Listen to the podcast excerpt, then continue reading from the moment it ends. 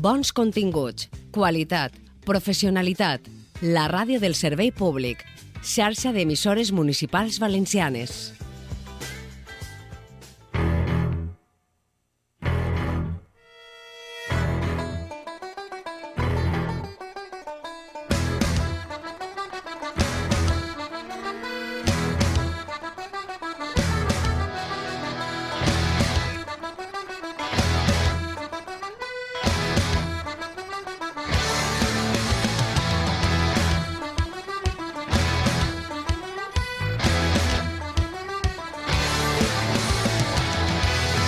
Tal, amigues i amics, amants del cinema i de les sèries? Què tal, com esteu? Nosaltres encantats, de veres, encantats d'estar així una setmana més en este programa ja número 294 de la història de Sinestesia, quasi res. Així estem, amb un poc més de gràcia que aquell primer programa, això sí, amb un poquet menys de, de monyo, que ja va caiguent, com és molt normal. Salutacions a tota la xarxa d'emissores municipals valencianes i als oïdors d'este programa via plataformes digitals. Això és Sinestesia.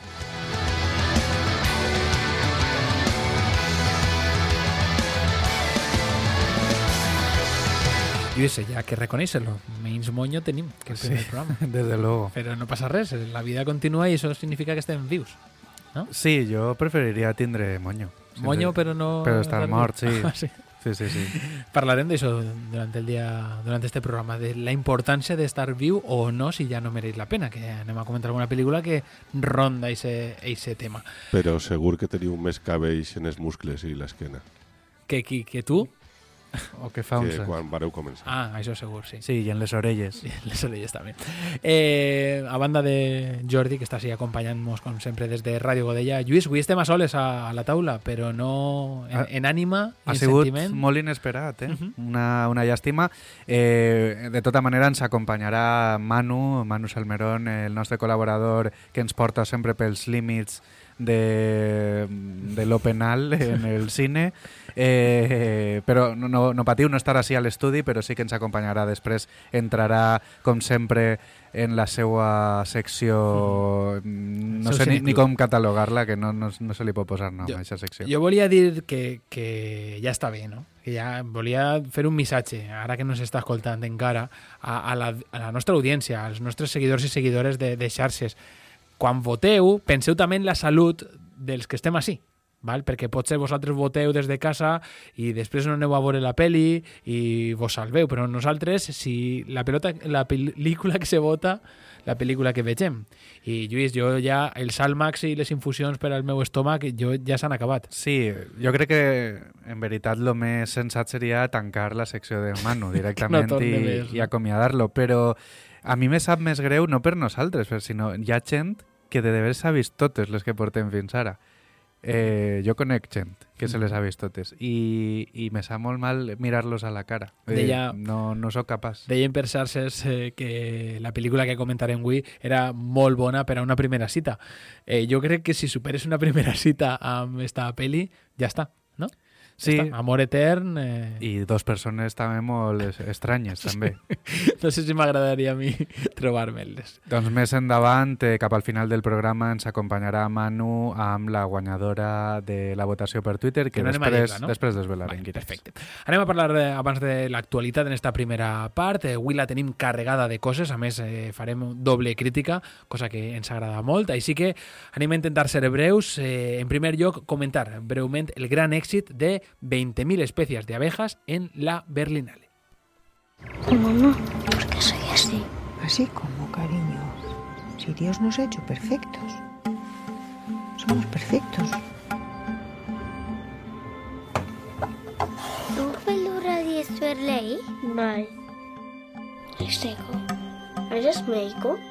Jo no. Elles. L'actriu Sofia Otero, amb només 9 anys, guanya a Berlín el primer el premi a millor interpretació protagonista d'enguany pel seu paper a la nova pel·li d'Estivaliz Urresola Solaguren, 20.000 espècies d'abejas. Lluís, eh, Sofia interpretant a Coco, una xiqueta que no entén perquè tots el tracten com a, com a Aitor. Exacte, com a un xiquet. Eh, la, la pel·li està amb una temàtica que està molt en, en boga estos dies a, a l'actualitat eh, estatal. a una estància d'estiu en casa d'uns familiars on la producció de mel i la criança d'abelles, que per això el, el nom, és, diguem, el dia a dia per a sostindre este nucli familiar, tres generacions de dones s'uniran per enfrontar-se, aclarir dubtes i també trobar solucions entre elles. La pel·li té molt bona pinta i l'actuació de Sofia eh, doncs això, eh, guanyar la Berlin Berlinale amb eixa edat és, mm. diu molt de, de lo realista i de lo que transmet.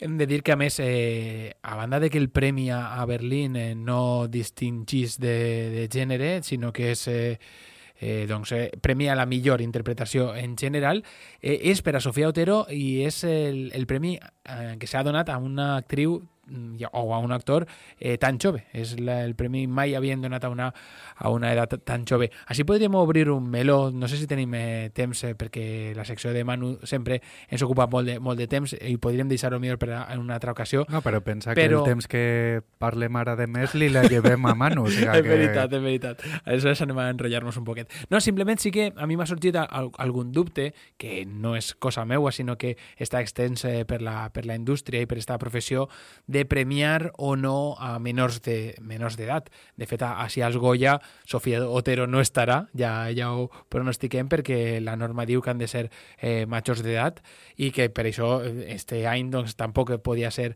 premi a estar nominada la protagonista de, de la maternal que de segur haguera estat entre les candidates fermes a, a dur-se el Goya. Eh, no sé què penses tu a, al respecte sobre premiar o no a, a, a gent tan jove.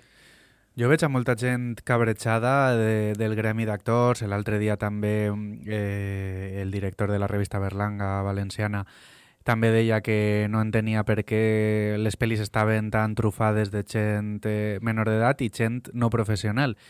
I, I bé, entenc la part de l'intrusisme i, i que és un, un sector eh, que no pot viure de, de l'actuació quasi el 90% d'ells, però al final, pensant únicament en el resultat final, crec que els resultats salten a la vista, tant amb la gent eh, no professional, com en el cas d'Alcarràs, com, eh, o el Agua, eh, com amb les interpretacions joves. Al final, amb Pa Negre va ser l'última vegada que es premiava un xiquet perquè la, els actors estaven farts, bàsicament, de, de veure que mai pujaven ells, però sí que hi ha una altra reflexió de com precisament la formació i el fer-se major també te, perd, te fa perdre la innocència i, i sempre tindre la presència al cap de, de les càmeres. Els xiquets i xiquetes transmeten veritat i per a certes pel·lícules la veritat és, diguem, el més important. Clar, però ahí també s'està obrint eh, el debat d'una xiqueta enfront d'una càmera interpretant-se a ella mateixa o, o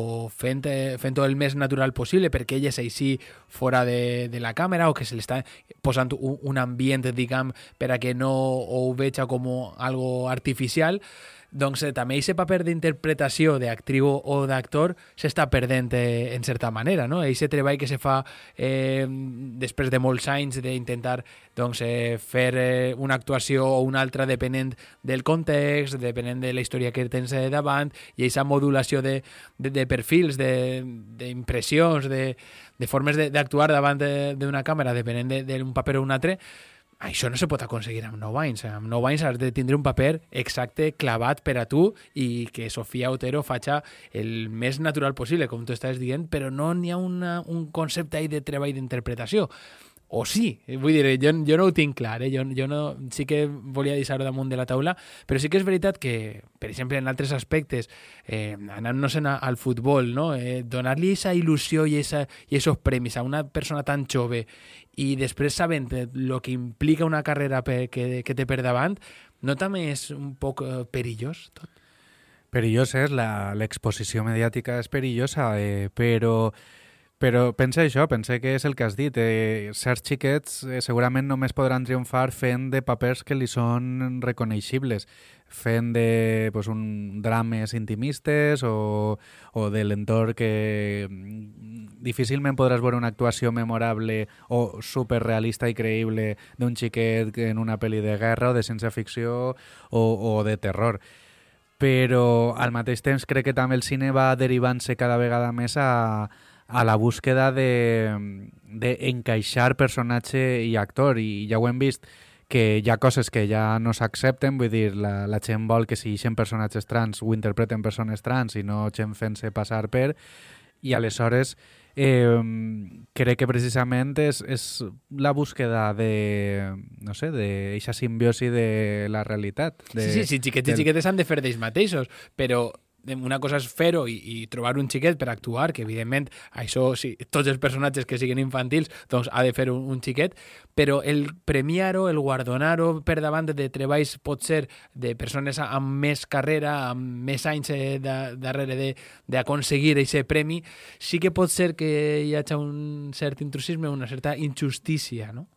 al final per la pròpia edat és molt difícil que hagin fet carrera, però encara que facin eh, històries íntimes i tal, estan gravant amb un equip de 50 persones, amb focus, amb micros, Mm. amb càmeres, vull dir, sí que se'ls ha de guiar d'alguna manera i segurament tindran certa formació, que igual és només per a aquest rodatge, però eh, això per un costat. I després, que se decidisca premiar i exposar a xiquets, això sí que crec que el debat, Perillós, perillós. el debat està ahí, però que siguen, que, que una xiqueta faci la millor interpretació, jo crec que sí que estem d'acord en que pot ser. Sí, I- i- objectivament pot ser. I de fet passa tots els anys, vull dir, jo mai, o sea, normalment no veig mai una actuació millor que la que vam veure d'Andrea Fandos en Les En Les Niñas, Niñas. en la Mm. maternal, segurament quan veig amb esta pel·li, i, i si tu premies l'actuació que més t'arriba, al final veus el, el càsting del xiquet de ET quan estaven simplement llegint el guió vestits sense actuar, tots ahí parlant d'una taula, i te, que t'emociona més Increïble. Després veus, jo que sé, a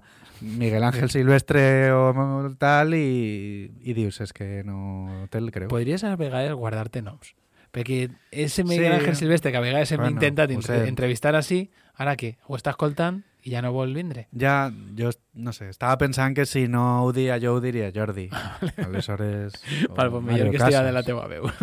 Bé, doncs ahí fet un poquet el comentari que teníem que fer sobre 20.000 espècies d'abejas, que tenim moltes ganes de que s'estrene, que en principi serà per al pròxim 21 d'abril. Parlarem un poquet més d'ella quan, quan la vegem. L'altra gran triomfadora, per, per dir-ho, al festival eh, i que ve del part de l'estat espanyol va ser Samsara, del director gallec Lois Patiño, que és un documental a més, molt, molt curiós, molt experimental, narra la tradició budista de la reencarnació. I dieu, en un documental com se pot contar això? Doncs eh, jo tampoc sé com se pot contar i tinc ganes de veure-la per això, no? perquè es mostra l'esperit d'una dona major que passa del, del, del seu cos a l'ànima d'un cabrit a Tanzània i parla de tot aquest procés de reencarnació de d'esta ànima eh, en el món de, del budisme. Jo, llegint la sinopsi, doncs és difícil imaginar-se un poc com està rodat això i crec que ahí estarà la gràcia i l'interès perquè l'han premiada a, a Berlín, Samsara, de Lois Patiño. พวกเขาอ่านปึ้มเกอจะจบแล้วบอ แม่นหมอสิจบแล้ว ค่อยบอยากลงทางในที่ Curiós, curiós este, este ¿no oyes? Sí, la verdad es que sí. No sé si has pogut veure alguna cosa de Lois Patiño, pero es drogadura dura en general. Un tio mola perquè al final és difícil veure coses tan arriscades i tan experimentals, però també es, requereix un poc de context o de formació perquè no és eh, massa fàcil de, de veure. Eh, breument també dir que va guanyar el premi a millor pel·lícula Sur la Damont, que és un altre documental, que també sempre que guanya un documental a millor pel·lícula ens, ens alegrem ja només perquè trenca un poquet la, Uh -huh. la norma i parla esta pel·li de Nicolas Filbert d'una estructura flotant que n'hi ha al centre de París, al riu Sena, que acull adults que pateixen trastorns mentals i els oferís atenció perquè o es recuperen o perquè mantinguen un poc l'ànima de, de, de viure. No? També una interessant eh, proposta que, que podrem veure en algun moment de segur i que ha sigut premiada allà a Berlín. És la, la pel·li que succeeix al Carràs, al Festival de Berlín, on la pròpia Carla Simón estava com a, com a jurat i la presidenta del jurat era Kristen Stewart, l'actriu. Eh, Nicolas Philibert recomanar la seva obra magna Ser i Tener, un dels documentals també més interessants sobre, sobre educació que, que hem pogut veure i una persona molt, molt interessant.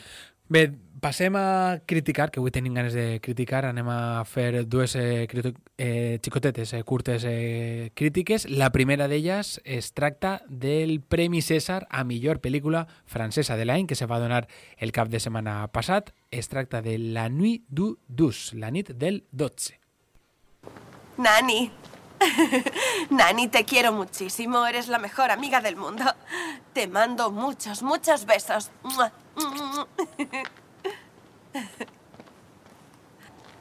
Clara, ¿Quién eres?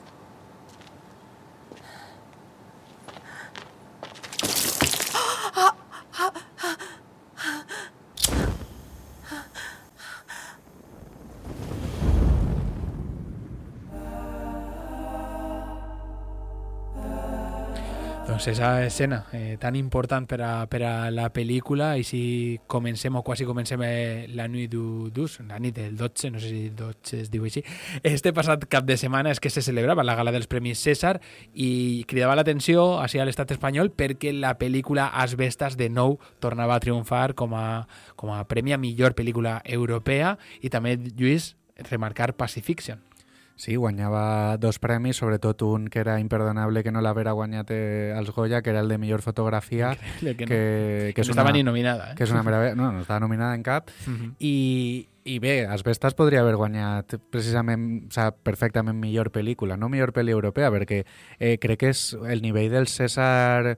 Eh, vaig veure també les altres pel·lis nominades i me va aparèixer un, un any prou contingut de, de nivell en, un, en, en França, que és segurament sempre un dels 3 o 4 o 5 millors països del món en fent cine i que tots els anys trau coses interessants, però este any me pareix que eren tot pel·lis correctes, pel·lis bones. Segurament Pacifiction seria una de les també més destacades com a pel·li Mhm, un, que se n'ix que se n'ix un poc de la norma. Tenien grans directors com Cedric Caplish, eh, di, eh, Mira, quant de temps sense saber d'això, home. en una pel·li de dansa, però en una pel·li que sembla menor, i, i La nuit eh, d'Udus, eh, pues una pel·li molt interessant, molt ben feta, molt, so, molt sòbria, molt ben rodada, molt ben interpretada, però per a mi es queda ahí, en una pel·li de 6 i mig, de 7, de una pel·li molt correcta, que tu passes molt bé veient-la, però que crec que d'ací 5 anys no me'n recordaré d'ella. Mhm. Es tracta d'un thriller, una pel·lícula policíaca que seguís eh, un cas que ja te diuen des del principi que és un cas sense resoldre, un cas eh, eh, basat en fets eh, reals. I encara així no? tens ganes de que, Tens ganes de que, de que passi- se resolga en la pel·li? de que canvi el, el, destí de- d'esta de, història. I bé, doncs, eh, conta des del punt de vista d'uns eh, policies, uns eh, encarregats de, de resoldre aquest tipus de, de crims, en la investigació que de l'assassinat d'una jove que estàvem escoltant l'àudio d'abans eh, per mans eh, d'un home que no sabem eh, qui és en, en cap moment. Eh, quin és l'interès de la pel·lícula? A més de, com deia Lluís, molt ben rodada, molt ben muntada, amb una fotografia molt, molt xula, doncs eh, l'interès és eh, saber eh, ja no només eh, qui és el culpable, sinó el per què se donen aquestes situacions en certs casos a, tant a França com també suposa que passarà així a Espanya. I està molt clara la intenció de, del director d'enviar un missatge molt antimasclista, un missatge feminista al voltant de, de com funciona el sistema, també en aquests casos tan, eh, tan clars de, de, de, de poder investigar, de poder trobar una solució més clara i més fàcil a, a aquest tipus d'assassinats. Sí, crec que precisament el més interessant de la pel·li és eh, el balanç que fa entre homes i dones. La pel·li és una pel·li profundament eh, masculinitzada, quasi, quasi tots els intèrprets protagonistes són homes, i, i la gràcia és que inclús els, els personatges eh, masculins que són de la part bona, diguem, que són els investigadors del crim i demés, també entre ells, quan estan tots els homes junts, mostren eh, alguns mm, tics que són un poquet masclistes, que són un poquet de macho així dominant i la gràcia precisament és la, el missatge que llança la pel·lícula de, del terror eh, estructural eh, masclista, no? I jo crec que això sí que és un, un encert total de, de la pel·lícula. Però en la part policiaca, com ja només començar t'avisen que són casos sense resoldre, la part, diguem, la façana de la pel·lícula, el que tu estàs veient, la part superficial me pareix com poc interessant. El que m'interessa més és el, el missatge, que sí que crec que el construeix molt bé. De fet, hi ha una frase molt, molt potent que diu eh, per què la majoria de persones que cometen assassinats són homes i aquests eh, assassinats són investigats també per homes, no? I de fet, n'hi ha alguna alguna actitud, com deies tu, masclista dels propis investigadors, eh, jutjant abans a la xica assassinada que a qui hagi pogut eh, assassinar-la. Assassinar I, de fet, eh, n'hi ha un moment de, de conclusió, no anem a dir el final, però sí com que es diu tots el, totes les persones que han passat per aquesta investigació podrien haver sigut els assassinats, els, els assassins, perdó.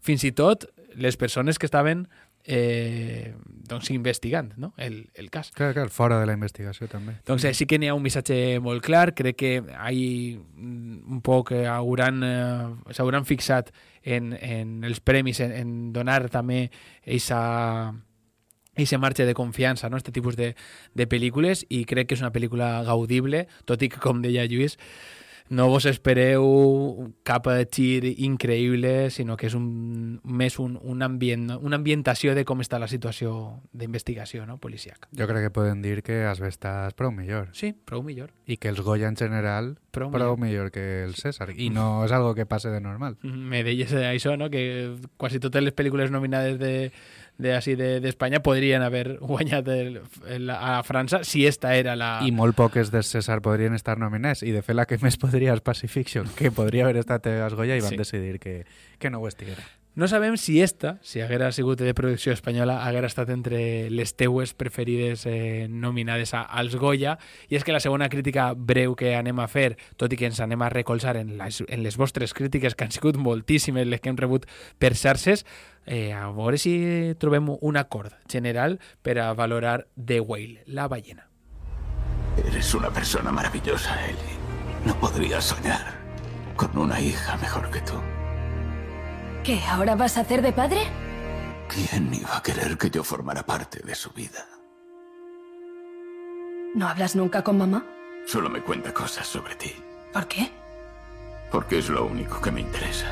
¿Por qué has ganado tanto peso? Una persona cercana a mí. Doncs, eh, a veure, Lluís, estem pensant en com estructurar això, perquè volem donar la nostra opinió de, de Well, però n'hi ha tanta gent que ha participat que podríem donar aquesta primera veu. Sí i així també Ells posar primer. en context mm. no? la, la gent que, que ha participat. Tenim a Sergi Nagant, que va ser el primer en contestar-nos, diu que el domini d'interiors és espectacular del mestre Aronofsky, molt bones interpretacions, eh, Fraser se senís, evidentment, eh, escenes que angoixen, com les de l'abuela de Requiem for a Dream, però que és una història insubstancial on no n'hi ha massa a rascar. Recalca el domini d'interiors, pocs plànols repetits i la claustrofòbia ben executada. Diu, a més, anota que eh, Aronofsky seria l'última persona del món amb la qui s'iria de festa. Eh, no sé si a tu te passa el mateix, Lluís. Tu t'aniries de festa amb Aronofsky? Mm. Te posa el cap com un bombo, eh? Sí, te pinta de ser el meme este pesat, de eh? parlar a la xica a l'orella. També tenim a Andreu Todolí, que diu, sense, sense convèncer-me la inclusió de l'element religiós, que planteja una reflexió sobre la culpa, l'autocastig, les decisions i les seues conseqüències, però també sobre allò en el que triem o no creure i aquelles persones en què sempre voldrem creure. Brendan eh, torna a lo gran i no per drama maniqueu o pornografia emocional. La seva mirada i interpretació facial són les d'un gran actor i relaten emocions sense necessitat del que és corporal, del que ja s'encarrega un director que sempre ha sabut construir un imaginari visual que deixa empremta. Samantha i Hong em convencen més que Sadi. Potser la música s'excedís forçant el sentiment de manera innecessària i diu que en general li posa un set. Doncs moltíssimes gràcies, Andreu, pel teu anàlisi, perquè la veritat és que ha sigut molt, molt complet, així que eh, molt bé. Continuem, Lluís? Continuem amb Andrea CR, eh, que ens deia Aronofsky obligant-nos molt i molt fort a estar incòmodes i sentir-nos fatal des del primer segon per acabar amb el moment més ridícul de la temporada. Terrible experiència. Eh, una terrible experiència que també podria ser a nivell positiu. Jo he hagut moments que, que he viscut experiències terribles que les guarde com a positives. Crec que no sona Andrea dient que li ha agradat. No, Sobretot per aquest últim ridícul moment. No? Crec que és eh, terrible de deberes. També Miguel Alemany eh, ens mm. diu eh, fórmula molt repetida, exagerada per a impactar i Aronofsky és molt pesat amb la religió americanada. Mm -hmm. Sentència. Mm, el concepte americanada també hi hauria que, que tractar-ho alguna vegada. No sé si esta pel·lícula és americana vol dir amb eixe final que també deia Andrea, no? De, de trobar-li aquesta part tan intensa, no, no ho sé. Eh, a veure, a Irene. Irene es diu que té ganes d'escoltar la nostra opinió, eh, que li va encantar i que va plorar al llarg de tota la peli, però que coneix a gent que li ha paregut horrible i avorrida. Eh, a, ell, eh, a ella li pareix que ell que estiga demanant perdó contínuament per absolutament tot li va trencar el cor. Pense que la peli parla de massa coses com per a només resumir-la com una peli sobre l'obesitat mòrbida. Doncs eh, estem d'acord amb tu, Irene, crec que la pel·lícula té moltes, molt, molts camins que, per les quals eh, es pot eh, llegir i que un d'ells crec que quasi contextualitzar eh, tots ells és l'enfermetat de, del protagonista, la veritat. Última, Eh, Lluís, eh, tinc així a, a, a Natàlia, la llegís jo? Sí, sí. Espere a plegar a temps, diu, perquè ho ha enviat fa, fa res, si sí, has arribat a temps, eh, Natàlia. Crec que Brendan Fraser està superbé i expressa les emocions del personatge de manera molt honesta i realista.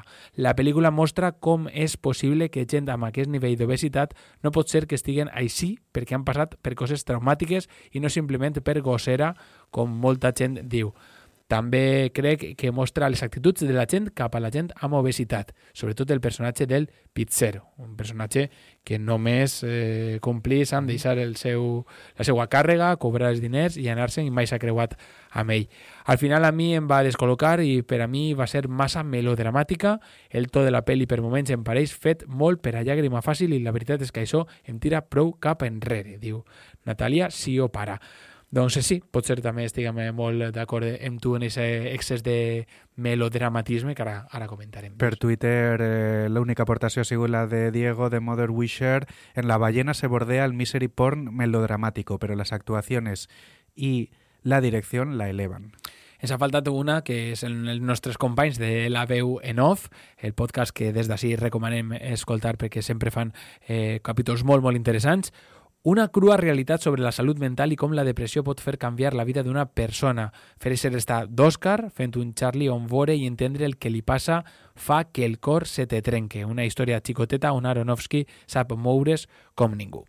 Doncs moltes gràcies també, companys, per, per esta aportació. Crec que he llegit totes, si se m'ha oblidat alguna, demane disculpes, crec que no.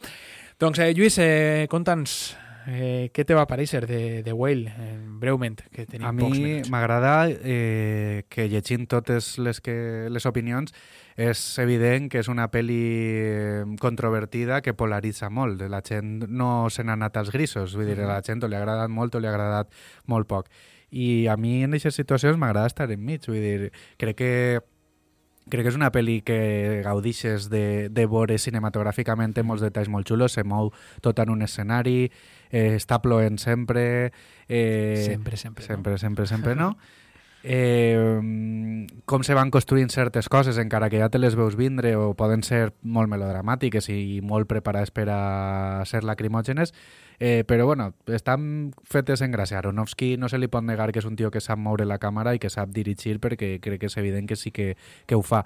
Jo tampoc sóc un excessivament superfan acèrrimo d'ell, perquè, perquè sol caure en aquest tipus de coses. Crec que se regodeja molt a voltes en, en la misèria, crec que que també intenta provocar unes emocions d'una manera com molt exagerada i precisament m'agrada la pel·li quan estan els detalls, no? quan eh, en, en els gestos de Brendan Fraser super precisos, la seva mirada, eh, quan està ell en casa eh, que cada cosa és una batalla, o sigui, n'hi ha coses que me pareixen més interessants que quan la pel·li se'n va a lo religiós o a la relació intrafamiliar, encara que el missatge i el discurs de la pel·li estan ahí, no? però a mi no, això no m'interessa tant. Però bueno, només per Brendan Fraser, com ha dit quasi tot el món, ja paga la pena. Sí, no anem a dir-nos en, esa, en esos elogis perquè lo de Brendan Fraser és descomunal. No sé si sent un altre actor que a millor no ens caiguera tan bé serien tant els, els elogis, però la veritat veritat és que és un paper increïble i que esperem que als Oscar doncs, eh, li donen el que, el que es mereix. Sí, sí. Eh, parlant de, de la peli i, i per no tractar de nou eh, lo bé que dirigís Aronofsky eh, en un espai tan reduït i que, com presenta aquest espai, com deia Sergi Nagant, en un, un espai que és la seva presó. Hem de recordar que per allà per on es mou eh, és l'únic espai que toca des de, fa, des de fa molt de temps i de fet l'únic espai que vegem en tota la pel·lícula excepte dos eh, pinzellades de- d'algunes coses que podem comentar també breument. M'agrada molt eh, alguns certs eh, personatges, com la, la dona que, que li cuida, la seva amiga, perquè fa que aquest dramatisme a vegades baixe un poquet d'intensitat, perquè té un caràcter, com diguem, més graciós, té alguna conya amb ell, i aleshores fa que la pel·lícula siga un poquet més eh, llevadera, no? Eh, me tira un poquet enrere l'actitud tan cargant de la seva, de la seva filla, tot i que se justifique en tot moment i que després eh, entengam el per què ella és tan dolenta amb ell i que no tinga una explicació quasi mm, de raonable, no? sinó que és, eh, segons diu la mare, és mala perquè és mala, no? Eh, tot i que segur que té alguna explicació de, en tot el seu procés educatiu. Eh, però sí que me pareix un poquet cargant. Eh, sí que mm, trobo un poquet també pesat el tema de la religió, eh, esta secta o tipus de Com totes. branca, sí, sí. Esta, esta secta, Sí. que, que sí que té una relació amb el passat del protagonista i que crec que per això se li dona tant de bombo al personatge de- d'este xic, no? que, que arriba a, a sa casa per a vendre-li un missatge de, de Déu, que la fi de la vida està, està a prop, però sí que me pareix que és molt fàcil, com també he dit alguna dels companys i companyes que han escrit, eixe final eh, quasi de mar adentro, en què se ridiculitza i se porta a una part més eh, eh, im- imaginària, eh, fictícia, com podríem dir-ho? Eh, Sí, eh, sí, eh, distant eh, fins i tot de la realitat eh, que està contant en tot moment, aquesta part més terrenal, i a mi sí que me va tirar un poquet eh, enrere. I les pel·lícules que no acaben com tu vols, se te queden un, un gust un poquet eh, amarg o agridols, no? Agridols. Aleshores, me va agradar molt, eh, n'hi ha molt bon treball al darrere, però sincerament eh, m'esperava molt més enllà del que, del que vaig veure. La llàgrima va caure, evidentment, perquè és una pel·lícula que, que hi ha que plorar, però té cosetes, té cosetes molt positives. La presentació del personatge me pareix molt, molt bona en eixa, en eixa vídeo cridada amb la resta de l'alumnat en què la càmera va fent un zoom al quadrat negre perquè ell sentís vergonya de, de mostrar-se i aleshores ja t'està dient molt. Però Lluís, abans de, de res, tu recordes el primer plànol de la peli? Que no és eixe?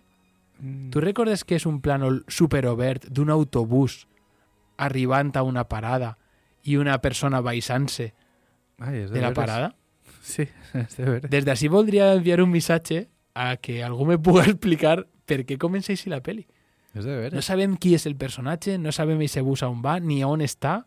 No és una, un, una, un, un joc que torni a aparèixer. És de veres. Ara que ho dius, no sé, podria ser el xic de la secta que, perquè ve d'es- d'escapar del seu... Ah, pot ser, pot Però ser. bueno, que podria no estar eixe Però plano. començar amb això... Ja, que a més te trenca la idea de que passe tot De en que la casa. tot en la casa. No, pues la pitjor pel·lícula, la pitjor eh? del món. Imagina que començara amb aquesta pantalla, no? Esa pantalla dins d'una pantalla de, de la, la conversa. Me pareixeria més potent, tot i que tinga, a lo millor és perquè té una explicació super xula que comença així. Però és veritat que, que jo li va donar un poquet... Saps un poquet la meva obsessió pels primers planos de les pel·lis i sí que vas dir, això, això per què? Bueno, pues estem parlant d'ell. Estem parlant d'ell, sí. Això crec que seria l'objectiu. Algun comentari breu, Lluís? No, pa'lante. Que inclús per a odiar-la està bé veure-la. No? Està bé veure. Sí, està, té, té cosetes molt, molt xules. Això sí, Aronofsky t'esperava que fores un poquet més cru com eres tu. Requiem for a Dream. Sí, això sol Ai, ser més sol de ser més provocar, més de tal, no anar a... Mm, melodramatisme tan, tan exagerat, el moment en què ell comença a menjar, que pareix que, que sí que és agobiant, no? que estàs veient lo que damunt No, la pel·li és agobiant. Però tota és- la pel·li, eh? sí, dir, cada més- moviment, cada... Clar, és més pel personatge la, físicament, no? Eh, Agòbia, més, eh, rodada, hem de dir-ho, en quatre terços, també fa que la imatge encara se reduïsca més, siga encara més agobiant. No sé si... Bé, eh, hem dit tot. Crec que ja el tenim al telèfon i jo crec que Manu, abans de dir la seva o de fer la seva secció, podria donar una breu opinió no? sobre la peli. Manu, què tal? Molt bona vesprada, com estàs? Buenas, Pablo. Buenas, Luis. Eh, bien, muy contento de estar aquí. Me hubiese gustado estar en, presencialmente, evidentemente, en, en, en, el que es mi momento favorito del mes, ¿no? que es hacer esta sección con vosotros. Pero bueno, por lo menos lo podré hacer eh, por teléfono. Eh, hem dit abans, no ens escoltaves, que quant més parlarem de la resta de coses, menys parlàvem de la teua pel·lícula. I aleshores eh, anem a aprofitar també per a preguntar-te què tal, te, te va aparèixer de Whale. Pues me eh, estáis comentando justo ahora cuando he empezado a hablar, cuando he empezado a escuchar, perdón, que, que era una película bastante agobiante y bueno, eh, The Whale a mí me gustó más de lo que de lo que esperaba. Es verdad que tampoco iba con demasiadas expectativas. Yo le tengo bastante cariño al director, a Aronofsky, y hay algunas películas suyas que me gustan mucho. Esta tenía pinta de, de no ser de mis favoritas, digamos, ¿no? Pero aún así, bueno, hay mucha gente que la que la considera un culebrón, ¿no? Así te dicho de forma un poco ofensiva, y a mí me parece que es un buen culebrón, es decir, no, no, no pasa de ser un culebrón, pero es un buen culebrón. A mí me gustó bastante, yo la disfruté, creo que tiene una interpretación muy emocionante, la, la interpretación principal, evidentemente, de Brendan Fraser, y, y, bueno, y en general, pues es una película que, que, tiene cosas interesantes. No me llegó a emocionar tanto como a otras personas que, que que creo que sueltan alguna lágrima en el cine, pero la disfruté, me gustó. Doncs eh, ahí queda la teua, la teua opinió. M'agrada que tant de bo tots els eh, culebrons foren bons culebrons, com, com ha dit. Com ha dit Però molt bé, Manu, perquè ara sí que parlarem de les pel·lis que te fan soltar una llagrimeta en el cine. Esta sí, esta me, me hace soltar más, más que lágrimas, diría yo. Vinga, pues anem a la secció de Manu.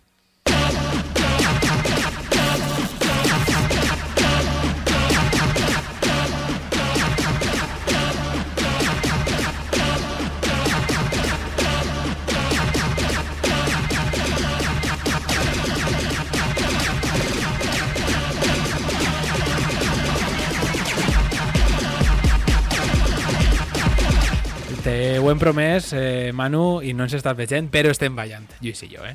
Estem ballant. Eso espero, sí. eso espero. Que bailéis, que bailéis, porque la música da para ello.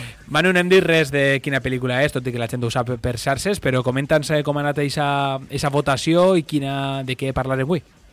Claro, como siempre hemos propuesto tres películas eh, para comentar en una encuesta de Twitter y bueno, en este caso eh, la encuesta pues ha estado bastante clara, ha habido una, clara ganadora, ¿no? Que ha sido Pin Flamingos, películas de John Waters de 1972, que va a ser la que la que vamos a analizar hoy. Eh, con un 65% de los votos. En segundo lugar ha quedado Pleasure, una película de 2021, o sea, la más nueva que hemos propuesto hasta ahora, que la volveremos a proponer en el próximo programa. Y en último lugar ha quedado LA Zombie, oh. de Blues, que es una película que llevaba allí quedando en segundo lugar Joder, tres meses mano. consecutivos, que vosotros estáis deseando que ya la eliminásemos, que la descartásemos completamente y por fin habéis conseguido vuestros objetivos. Ah, Yo aún así, aún así, tengo que decir que estoy bastante orgulloso de que LA Zombie haya aguantado ahí durante tres meses. Això t'anava a dir, ha aconseguit segurament el rècord de... De medalla de plata. Sí, la, la ratxa més llarga. Però, bueno, ja, ja no la pots tornar a dur, eh? En recorda't. Per a tres Bueno, temporades, tampoc. pero puedo meter, puedo meter otra de Bruce la Bruce, ¿eh? o sea que tampoco, tampoco os deis por ganadores todavía. Vinga, doncs, eh, Manu, Pink Flamingos. Anem Bueno, allà. En la cuarta sesión de nuestro cineclub, Viaje a través de los límites del cine, nos vamos a enfrentar a una de las películas más provocadoras y polémicas de todos los tiempos. Todo un hito del cine trash y del cine queer que consiguió llevar a un grupo de personajes extravagantes y marginales hasta el centro del foco mediático. Hablamos, como ya hemos dicho antes, de Pin Flamingo. Antes de empezar, eh, Pablo y Luis, yo os quería preguntar, ¿os consideráis unas personas curiosas? ¿Os gusta probar cosas nuevas? ¿Disfrutáis explorando estilos de vida alternativos? Per suposat que sí, Manu, però diria que un, un escalonet per baix de, de lo que fan els xicos d'esta eh? d'esta pel·lícula. Sí. Bueno, entonces creo que vamos a tener que salir un poquito de nuestra zona de confort y ahora sí nos vamos hasta Baltimore, Estados Unidos, 1972.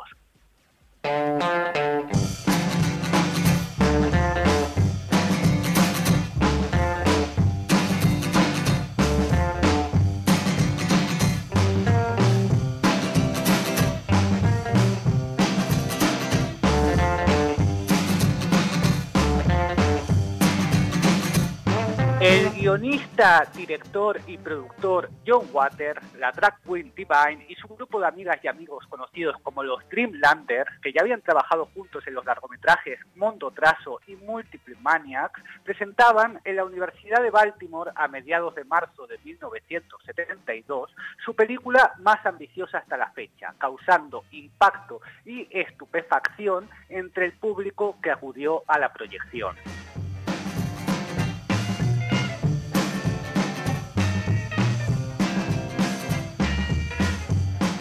Hablamos de Pin Flamingos, producida con 10 mil dólares de presupuesto, que cuenta la historia de Divine, una mujer conocida por cometer todo tipo de obscenidades y atrocidades que vive con su madre, su hijo y su compañera sentimental en unas circunstancias de lo más grotescas. Tras haber sido nombrada la persona más inmunda del mundo, Divine se verá amenazada por los Marvel, un matrimonio que secuestra y viola a chicas con el fin de vender sus bebés.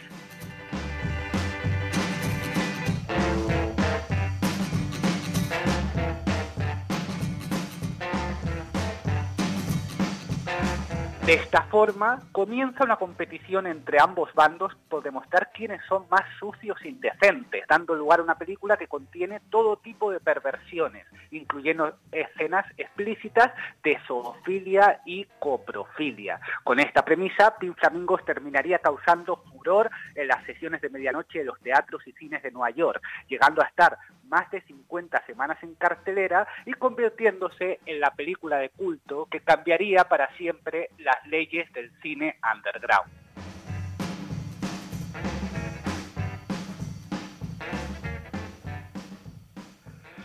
Bueno, Luis, Pablo, ¿qué tal estáis? ¿Cómo, ¿Cómo se os ha quedado el cuerpo y la cabeza después de convivir durante hora y media con, con estos personajes tan alocados? Luis, bueno, jo ja ho deia al principi, no? que, que m'agradaria que la gent, quan votara les pel·lícules, pensara en nosaltres, no? pensara un poc en la nostra salut, pensara en el nostre estómac, perquè he de dir-te, Manu, me preguntaves, crec que la setmana passada, com portava jo el tema de, de veure doncs, aquestes imatges d'Holocausto caníbal, eh, que jo te vas dir que bé, ve gent que era tot eh, ficció, doncs que no me feia tan, tan de mal. Tot i sabent que així n'hi ha ficció en, en el seu 70%, perquè crec que n'hi haurà coses que, que són reals i després les comentarem, eh, he de reconèixer que he hagut de, de parar la, la pel·lícula en un parell d'ocasions per oxigenar-me perquè m'estava sent molt dur l'aguantar certes, certes seqüències prou, prou desagradables. I això que jo creia... es que Yo creía La que verdad- podían todo, ¿eh? pero no, se ve que no. La verdad es que me enorgullece que me digas esto, porque hasta ahora, pues claro, estaba trayendo aquí cosas que consideraba bastante brutas y todas os las tomabais con mucha tranquilidad, digamos, ¿no? Entonces, bueno, me alegra, me alegra por que comentes eso, Pablo. A mi me va parèixer fluixa. Jo és que, clar, Pablo és una persona d'Aldaia, un poble tranquil, però per a la gent de ciutat com tu i com jo, Manu, esta peli és el dia a dia dels nostres barris. Bueno, vamos con la vamos con la siguiente música. Ahí tenemos un poquito eh, la cara A y la cara B. Vamos con, con la siguiente canción.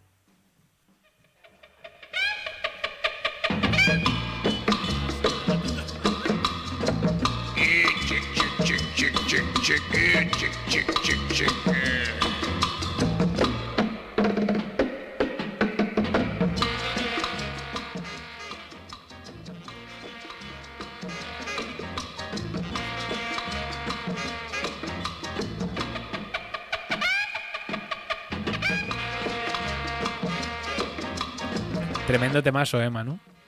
Que está guay. Está, guay, está guay. Le estaba contando a, a fuera de micro que con va a sonar este tema me recuerde de gafar el Shazam y posar opera que era, pero que me va, me va a resultar muy curioso.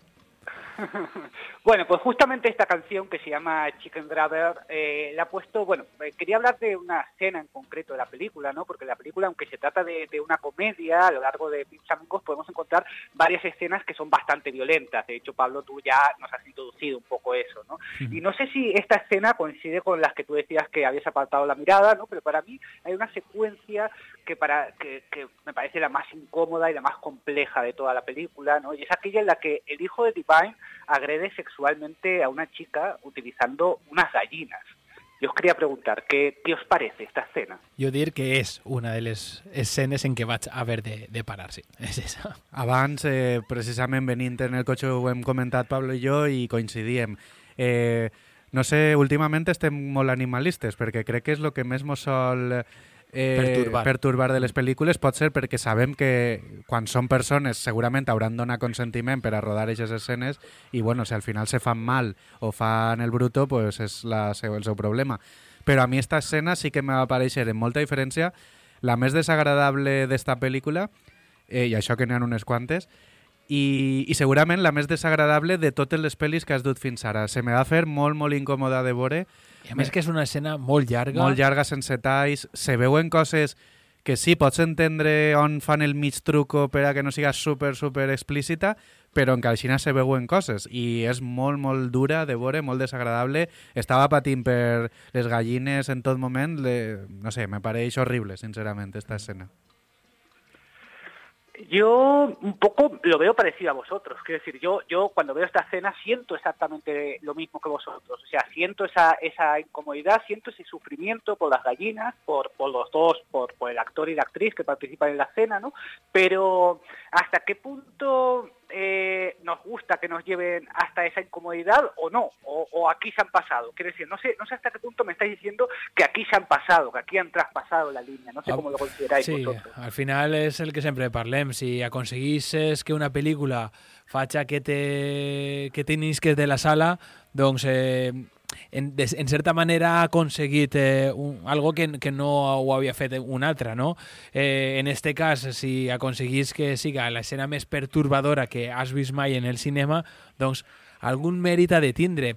No sé fins a quin eh, punt eh, això és positiu o negatiu, si això ha, ha, ha d'alabar-se, ha de, de donar-li un punt a favor a la pel·lícula o no, jo no tinc resposta. Aleshores, jo només puc transmetre les meues eh, sensacions al veure-la i ja després, doncs, eh, possiblement eh, algú que jutge si, si això doncs és eh, lícit o no. Bueno, lícit és, crec, no? Bueno, Y, ade- y además, algo que me parece bastante curioso de esta escena es que tiene cierto, bueno, como toda la película, ¿no? Tiene cierto tono cómico que, que hace que la escena sea incluso más desagradable, ¿no? O sea, pues se supone que te tiene que hacer gracia lo que están haciendo y desde luego no es eso lo que causa, ¿no? Entonces a mí eso también es algo que me, me provoca bastante incomodidad. Clar, eh, no sé si això ho parlarem més endavant, però eh, el, els tocs d'humor que no te fan gràcia i que de fet estan causant el contrari eh, un element molt eh, habitual d'esta pel·lícula i que no sé si és perquè jo no m'estic riguent o si realment no se riu ningú o si a algú li que la mare de la protagonista estiga en una, en una cuna tancada menjant ous en, en roba interior. Vull dir, eh, això eh, s'ha fet per que algú se riga i s'ho passe bé o, o a tot el món li passa a mi que el que fas és no mirar a la pantalla quan està esa escena? Bueno, creo que eh, esta película puede provocar cosas muy variadas, ¿no? O sea, creo que sí que hay un- una intención de, de- de hacer humor, o sea, hay una intención de que la gente se divierta, yo de hecho me divierto viendo la película, pero eh, creo que es una diversión muy incómoda también, ¿no? Y, y también muchas veces llevándote a producir pues otros sentimientos eh, opuestos, ¿no? Como pueden ser asco o, o- o, no sé, o, incluso puedes sentirte un poco perturbado, ¿no? En algunos momentos. Entonces, me parece, me parece muy interesante esa mezcla que, que propone. Oh, well, everybody's heard about the bird. Well. Well. Well. Well. Well. Well.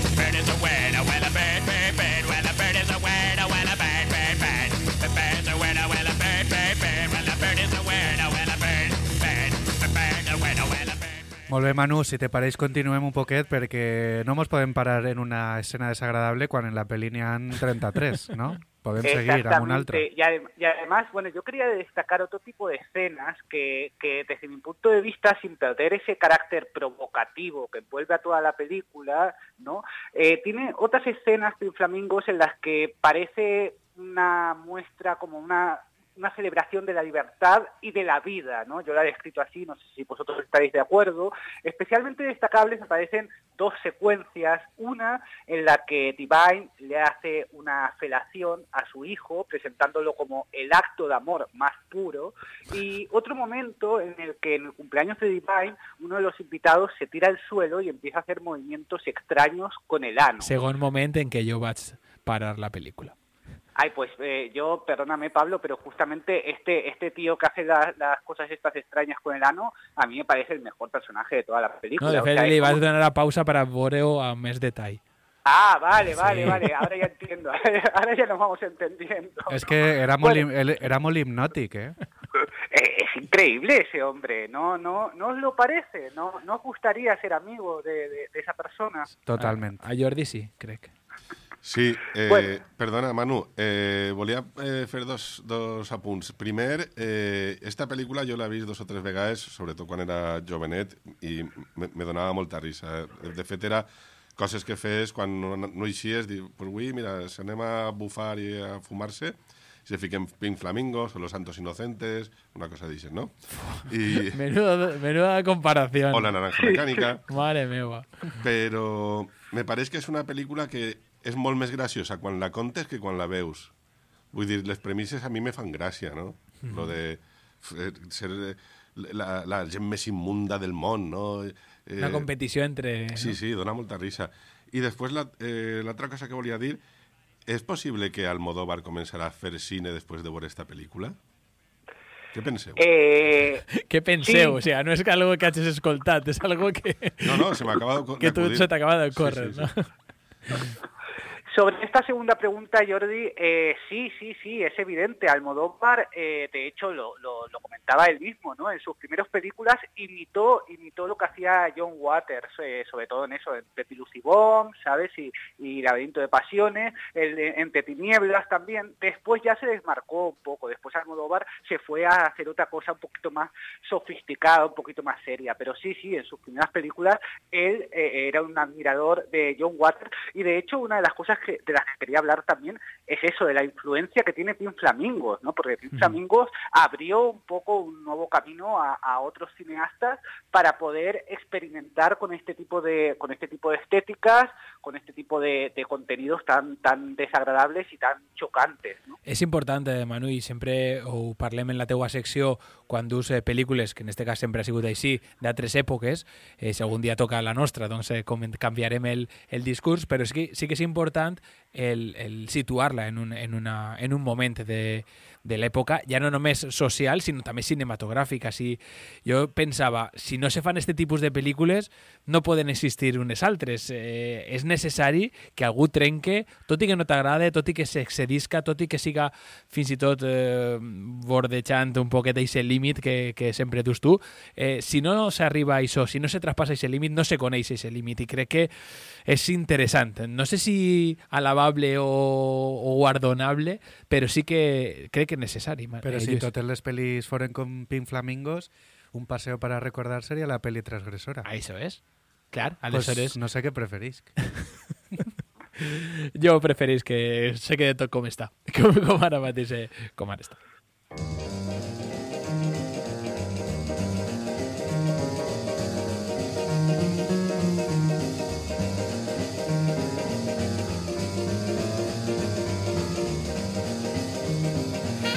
I arribem, Manu, a ese moment. A ese moment.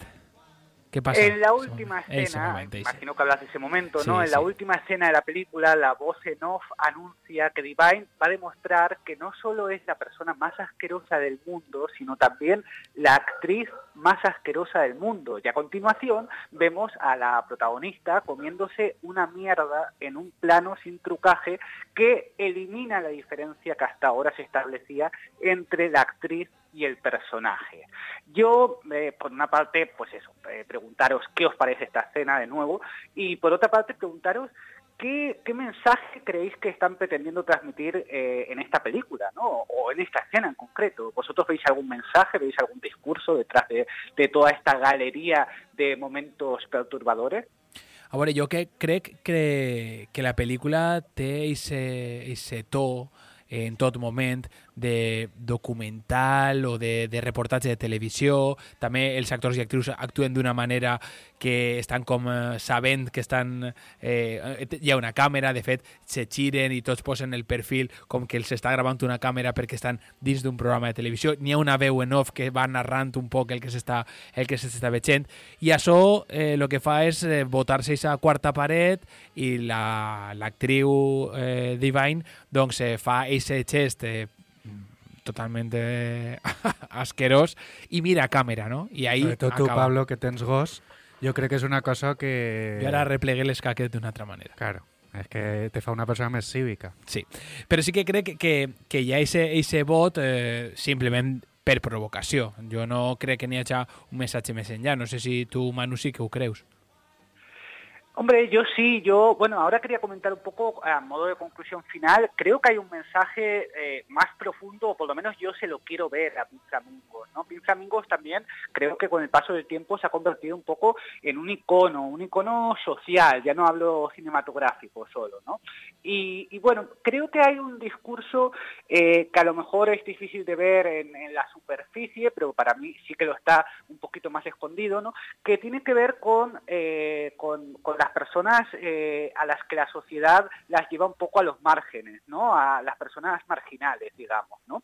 Y bueno, justamente este grupo de amigos eh, que hace esta película, ¿no? donde incluimos a John Waters, a Divine y a otros de los, de los actores y técnicos que participan, eh, bueno, pues es un, son un grupo de amigos que para empezar pertenecen al colectivo LGTBI y por otra parte, pues eh, eh, llevan un estilo de vida que parece bastante más marginal, ¿no? Dentro de Baltimore, que parece una ciudad de Estados Unidos donde, donde ellos no se pueden mostrar del todo, del todo libres de alguna forma, ¿no? Entonces, bueno, creo que en la época, en, en, en los años 70, eh, muchas veces a este tipo de personas se los llevaba, o sea, se les acusaba de, llevar un estilo de vida muy marginal, muy, muy, o sea, pues eh, desagradable, ¿no? De alguna forma, ¿no? Y entonces creo que un poco lo que hace John Waters es coger todas esas acusaciones que, que hace la sociedad hacia, hacia el colectivo LGTBI o hacia otro tipo de colectivos que se pueden sentir marginados dentro de la sociedad, coge todas esas, coge todo ese odio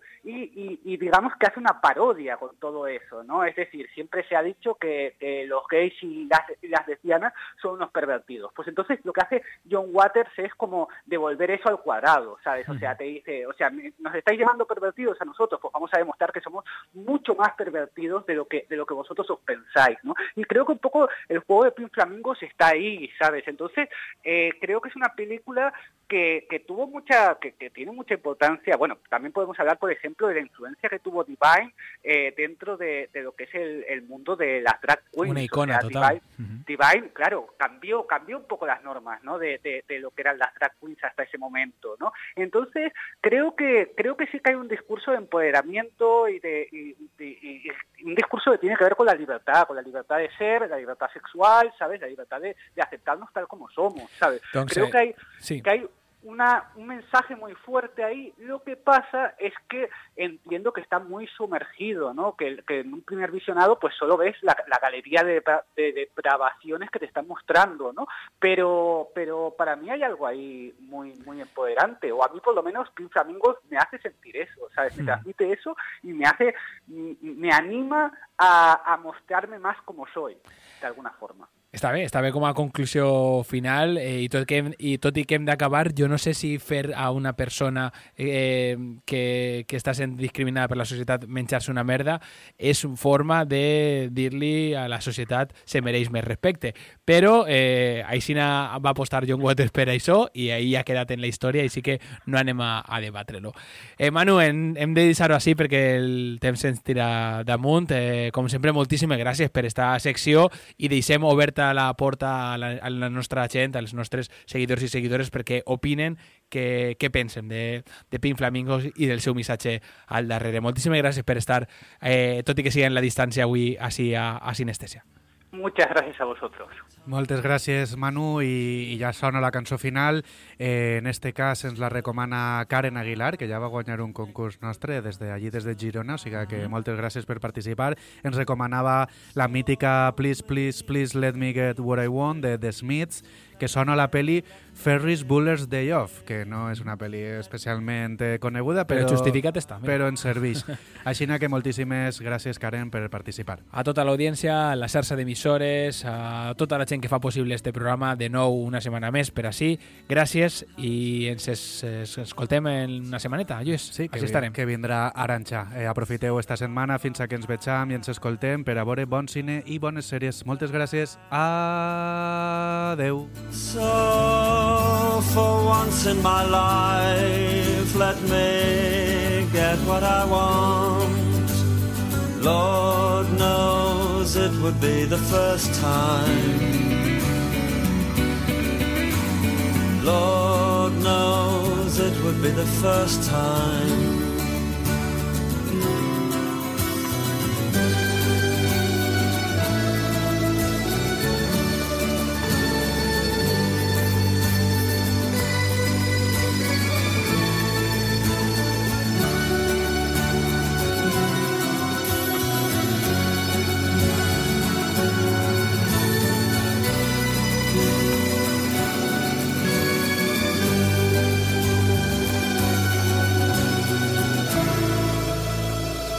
Escoltes, un programa de la xarxa d'emissores municipals valencianes.